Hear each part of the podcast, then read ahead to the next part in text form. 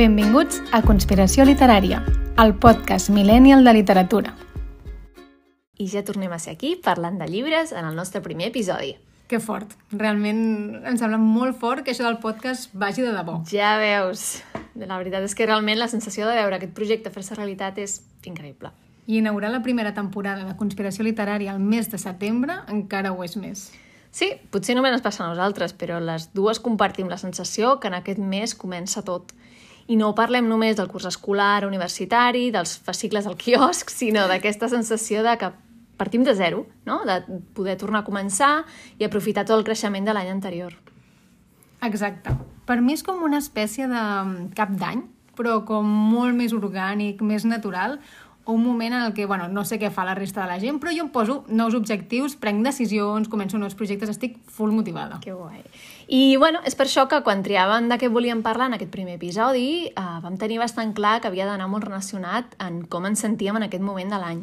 Per tant, no és gens d'estranyar si en el capítol d'avui parlem dels nous començaments i de la literatura d'aprenentatge. Endavant i benvingudes! Doncs la veritat és que abans de comentar-ho amb tu, Clàudia, no tenia ni idea de que existia el terme de literatura d'aprenentatge. Ja, la veritat és que no és un terme gaire popular, però jo el vaig descobrir després de llegir alguns llibres d'aquest gènere, també conegut en el món anglosaxó com a Coming of Age. Per donar-vos una mica de context teòric sobre què és la literatura d'aprenentatge, hem recorregut a storyboardat.com. En aquest web, Christy Littlehale ens explica que les novel·les d'aprenentatge són històries sobre el procés de maduració d'un personatge. Moltes comencen la seva infantesa i acaben al principi de la vida adulta. És a dir, que cobreixen molts moments vitals, no? Exacte. De fet, aquestes històries segueixen una estructura força concreta que es va establir al segle XVIII, quan el gènere era conegut com el nom de Bildungsroman. I les quatre fases que es poden identificar són les següents.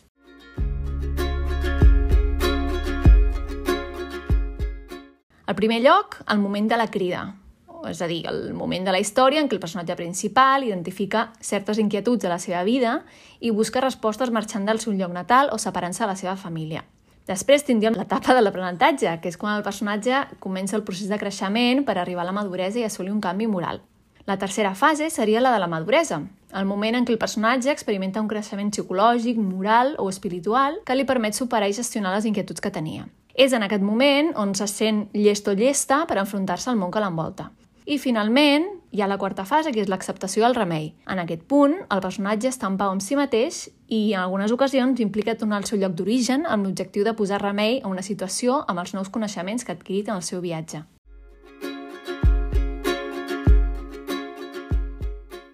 Uau! La veritat que jo crec que no ho hagués pogut explicar millor, això per començar. I vist així, em fas pensar que segurament hem llegit bueno, infinitat de llibres no? amb, amb aquesta estructura. Sí, més d'un, de dos i de deu segurament, especialment a l'escola. Sí, segur. De fet, em fas pensar que un dels meus llibres preferits que vaig llegir en aquella època, que és El vigilant del camp de Sègol, d'en Salinger, més o menys va per aquí, no? Exacte, veig que ja has interioritzat el concepte. I segur que també has llegit El caçador d'estels, d'en Khaled Hosseini, mare meva, quin far de plorar, Ai, sí. o Nada, de Carmen Laforet. Mm, cert. Però si penso, crec que un dels més representatius d'aquest gènere, precisament, és un que em vas deixar fa uns dies, el de la Eleanor Oliphant està perfectamente. Cert, cert, la novel·la de la Gail Honeyman. Què t'ha semblat, doncs?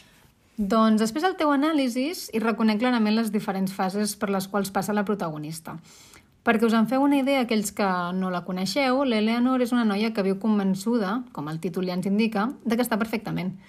Però la seva situació i també la seva salut mental estan en un equilibri més aviat precari. Entre setmana treballa en una oficina on evita relacionar-se amb els seus companys i al cap de setmana el passa tancada a casa menjant pizza congelada i bevent vodka. Podríem dir que l'Eleanor ha creat com una rutina on refugiar-se i que la manté viva. Com una espècie d'anestèsia vital, no? Totalment, en podríem dir així. Però aquest equilibri s'esberla quan coneix en Raymond, un informàtic de l'oficina amb qui salven en Sami, un avi que pateix un infart al mig del carrer.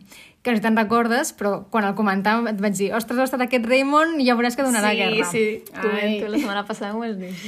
Doncs aquest incident que té lloc al mig del carrer és un punt d'inflexió en la vida de l'Eleanor. És un moment que la Clàudia no, deia, ostres, és la crida. Perquè comporta un seguit de canvis que ni ella mateixa és capaç de- d'imaginar ni d'anticipar. Sí, la veritat és que Honeyman, l'escriptora, descriu la metamorfosi en si de l'Eleanor. Exacte, totalment. Sí, sí, quan el- l'actor comença el llibre, no, com a mínim a mi em va passar, que es troba amb una protagonista incapaç de sentir empatia, de congeniar amb els altres, de gaudir de la vida i fins i tot d'estimar-se, o sents com molta llàstima, no? Ella va fent amb el mínim, va, va passant allò com el títol indica, no? Anar fent perfectament, sense molestar-se, però sense adonar-se'n de que bàsicament el que fa és sobreviure. I quan arribes a l'última pàgina, te n'adones de tota la transformació, de tot el procés d'aprenentatge i de l'increïble creixement personal de l'Eleanor al llarg de les pàgines. Doncs sí, la veritat. A més, l'Eleanor és un clar exemple del concepte d'antiheroïna, no? Una persona antisocial, desagradable amb la gent que l'envolta, sense cap intenció de ser el centre d'atenció. I com em vas comentar fa uns dies, realment trenca el cor llegir el patiment aparentment tan subtil com el de l'Eleanor. Que recordo que a mesura que llegia el llibre m'entrava unes ganes molt fortes d'abraçar-la, sí. pobreta. Que bé, potser té quelcom a veure en què he vist patrons de comportament molt semblats que vaig tenir en algun moment de la meva vida, com per exemple, això està en mode sobreviure en comptes de realment viure la vida com és. Però això ja és una conversa per un altre dia. Exacte. Doncs amb tot això que comentes, a mi em fas pensar molt en Mare de llet i mel, de la Najat al-Hajmi. Sí, aquest llibre me'l vas deixar, doncs tu a mi, de fet. I pels que no la conegueu, a la novel·la, Mare de llet i mel, explica la vida de Fàtima, una dona del RIF que per circumstàncies de la vida ha d'emigrar a Catalunya amb la seva filla. Fàtima és una dona que no sap ni llegir ni escriure i arriba a una ciutat petita sense parlar ni una paraula de la llengua nadiva i, com qui diu, amb una mà davant i una darrere. La història vaja de molts i moltes immigrants. Sí, el llibre té flashbacks i flashforwards puntuals entre dues línies temporals. Una en tercera persona, en la que relata el passat de Fàtima quan era nena, i una segona en primera persona, quan Fàtima ja és adulta i ens explica la seva vida a Catalunya, vivint o intentant sobreviure amb la seva filla. A la novel·la comença en algun punt de l'actualitat, diguem, un moment on ha tornat al Marroc i seu amb les seves germanes per explicar-los com ha sigut la seva vida lluny de casa, bàsicament. Llavors aquest format narratiu és un claríssim exemple no, d'aquesta literatura d'aprenentatge. Mm. La protagonista principal emprèn aquest viatge cap a Catalunya i després acaba tornant a casa. Exactament, no sé del tot si torna per quedar-s'hi, perquè encara no me l'he acabat. A més, que no pretenc fer spoiler perquè hi ha gent que ens està escoltant, però saps? És el meu primer llibre Jad, que de fet el, la vaig conèixer quan va sortir la seva última novel·la, Dilluns l'estimaran, a principi de 2021. Ostres, de fet va guanyar el Premi Nadal. Sí, sí, me'n recordo. I la veritat és que en aquell moment me la vaig posar a la llista de llibres per llegir i tant bon puc veure de què anava, ostres, doncs em va interessar encara més, que ja saps que m'agrada molt llegir sobre xocs culturals i moments migratoris. Totalment. I tornant a Mare de llet i mel, em sembla una novel·la molt íntima, amb punts costumbristes que parlen de, bueno, del RIF, del lloc on és ella, que m'agraden molt. I està escrita amb molta tendresa, que és una tendresa que quasi xoca amb la crueltat del que es descriu, no? Ho recordo. Uh, la condició quasi esclava no? de la dona en aquell món rural al Marroc, el, tots els records de... recordo un fet del cabell, ostres, com detalls molt concrets. Mm. És una realitat que bàsicament consisteix en que tan bon punt tenen 10 o 11 anys són excloses de l'espai públic i de quasi tot poder de decisió fora de l'espai familiar. Sí, sí. I una condició que s'arrossega i es perpetua quan marxa tota sola a l'estranger, bueno, la seva filla, òbviament. I allà no només és una dona alfabeta immigrant, sinó també una estranya no? dins la societat de la que viu, però, malgrat tot, una protagonista forta i perseverant que va superant tots els obstacles pel seu bé i pel de la seva criatura. I, de fet, pensant-hi, crec que és la paraula perseverant la que millor defineix a Fàtima per tant, la novel·la de Mara Llet i Mel.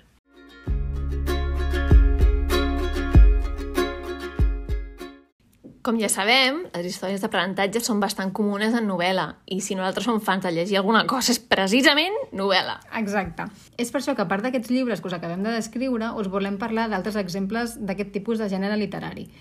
L'exemple per excel·lència que hi ha en literatura castellana és el Lazarillo de Tormes. Exacte. Crec que a totes us sonarà i alguns mm, inclús l'haureu escoltat. Déu o... meu, sisplau, si heu llegit, heu escoltat el que sigui el Lazarillo, feu-nos-ho saber, no? perquè és gairebé, per mi està al nivell d'haver llegit el Quijote. Sí, sí, eh? Mm, Bastant més curt, però sí. Bastant més dur. Sí, també és veritat. Aleshores, pels que estigueu com nosaltres, que el Lazarillo de Tormes doncs, l'hagueu sentit anomenar, però vaja, que Però tampoc ja- l'hagueu indagat molt, La història va d'un noi pobre de Salamanca que durant uns anys de la seva infantesa serveix a tres personatges diferents.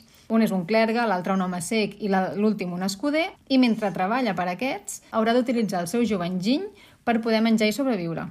Jo, de fet, recordo de llegir fragments de literatura castellana, però, però ja. A l'escola, no? Sí, sí, sí, i crec que és justament perquè les fases es veuen tan clarament en la història que és dels exemples més clars doncs, de, doncs, de la literatura coming of age, almenys a nivell nacional. Exacte, és, és 100% castellà. Sí. I si ens anem als clàssics, podem trobar, per exemple, Cims borrascosos d'Emily Bronte, que narra la història d'amor tèrbola i apassionada entre Heathcliff, que és un home atormentat per la seva set de venjança, i una noia jove, que és Catherine, que bueno, la casen amb la persona equivocada. És, efectivament, com hem dit, literatura coming of age. Jo, de fet, recordo llegir-la... recordo llegir-la un agost, que no hi havia feina. Uh, era la meva primera feina, el meu jefe havia marxat de vacances, i era, és l'únic llibre que per pur, pur, pur avorriment he llegit en PDF. Ha de ser molt refrescant no llegir Cumbres borrascoses a l'agost, no? Sí, és, sí, és, sí. És com humit, tot fos, no aquesta, sé. aquesta, jo què sé, a mi em passa com... Eh, quina, és la, quina és la novel·la, Víctor Català? Ostres, a mi em passa amb nada. Que, que et transmet Ah, aquell, que- aquell fred. Et surt no? molsa de dintre, m'entens? Sí, sí. Vull dir, sents que estàs arrelant literalment al Sí, terra. sí, que tens ganes de posar-te alguna cosa a sobre encara que estiguis a 28 graus. Exacte. Doncs mira, un exemple totalment diferent i 100% quilòmetre zero és el cas de, de la Sílvia Soler. Jo recordo fa, ostres, no sé si dir-te 10 anys, eh, descobrir-la a través de la novel·la de Petons de diumenge. Parlat. Realment és extremadament tendra, bonica, bueno, mm, et deixa el cor tou, de veritat, que, que em recordo al llit llegint i dius que no m'aixecaria mai de, de l'atmosfera que crea. Llavors, aquest llibre va guanyar el Premi Prudència Bertrana, vull dir que, a part de la meva opinió nyonya, eh, el recolza, no? un, un reconeixement literari nacional, i també té l'estiu que comença, que jo vaig experimentar molt placenteramente, i també és Premi Ramon Llull. El que fa la Sílvia Soler realment és tenir un ventall de personatges, la veritat, que a vegades bastant complexa, i els fa créixer a, a través de tot el llibre. És una evolució i cadascuna tira línies diferents. No com l'Eleonor sí que... Bueno, en Raymond, per exemple, no evoluciona, sinó que és ella que té un creixement. En el cas de la Sílvia, fa una diàspora. Cadascun tira per una banda i tots creixen. Vull que me'ls deixi, el meu cor m'està dient. Oh. Vull que me'ls deixis, però és que no, no- jo, no tinc, jo no tinc 30 llibres per llegir, però potser en tinc 15, llavors, clar. Eh, però sí que és veritat que quan vam anar a la setmana del llibre en català em vaig quedar amb moltes ganes de comprar-me nosaltres després. Però no me vaig comprar perquè... Em vaig, Bueno. em vaig controlar, em vaig controlar. Tot no pot ser, però està clar que, que Sílvia Soler és un exemple claríssim no? de literatura d'aprenentatge i que tard o d'hora nosaltres després caurà a les Caurà, mans. caurà, està clar, està clar. I, bueno, finalment, un exemple que us sonarà a totes i tots de literatura coming of age és Gent normal de Sally Rooney. No podia faltar. No, l'havien de mencionar. Sally Rooney s'ha de mencionar en qualsevol capítol. Exacte. Gent normal, per les persones que potser no, encara no l'hagueu llegit, explica la relació tumultuosa de Connell i Marianne, dos companys d'institut d'un poble irlandès que marxen a Dublín a estudiar. I allà, justament, es retroben en escenaris socials molt diferents als que hi havia a la seva ciutat natal, perquè la Marianne era com la noia una mica més marginada, el Connell era el noi guai, s'agradaven, però no volien fer explícit, i justament a Dublín era diferent, i bueno, eh, s'enfronten en un status quo diferent i bueno, van creixent Hmm. i curiosament és una relació que, que és que no es poden deixar en pau l'un a l'altre. Sí. És com un vincle ferotge. Mm, jo que és, en algun moment et diria que és una mica tòxica, no? Sí, sí, sí. Ah, anava a dir, és, Tòxica. és una mica tòxica, el que passa que des de fora, com, com que no ens passa a nosaltres, la romantitzem, no? Totalment. Vull dir, per vegades em venen ganes d'agafar els seus dos caps i dir parleu o aneu al psicòleg? Exacte. O sigui, alguna cosa de les dues, per favor. Ara, t'he de dir que veient la sèrie a Amazon Prime, a nivell del llibre, i la meva parella no. Jo vaig començar a veure la sèrie i vaig començar a plorar, jo crec que des dels crèdits inicials. Què dius? Ostres, ja no. I és que com ja sabia com anava, és com... Aquests parell de tontos que no parlen, no parlen de res. No, no, no, no. Doncs jo sí, Projecte. una càrrega emocional molt forta. Ah, sí, això sí. Potser és això el que ens agrada tant de Sally Rooney.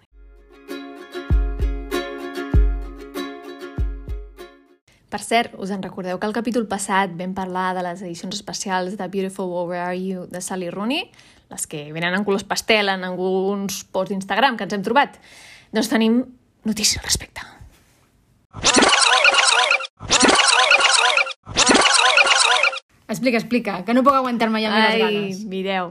Resulta que aquestes edicions en verd, lila, rosa i blanc són còpies de lectura avançada que van rebre bookstagrammers seleccionades per Faber Faber, que és l'editorial del llibre, i alguns distribuïdors oficials. Per tant, no estan a la venda.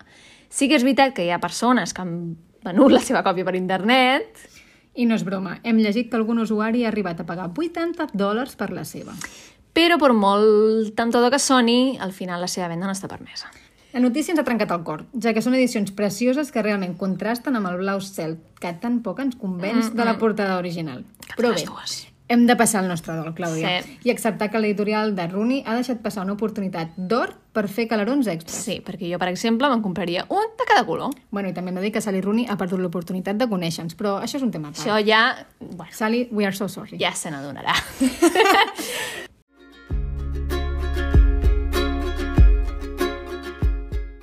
I això és tot per avui.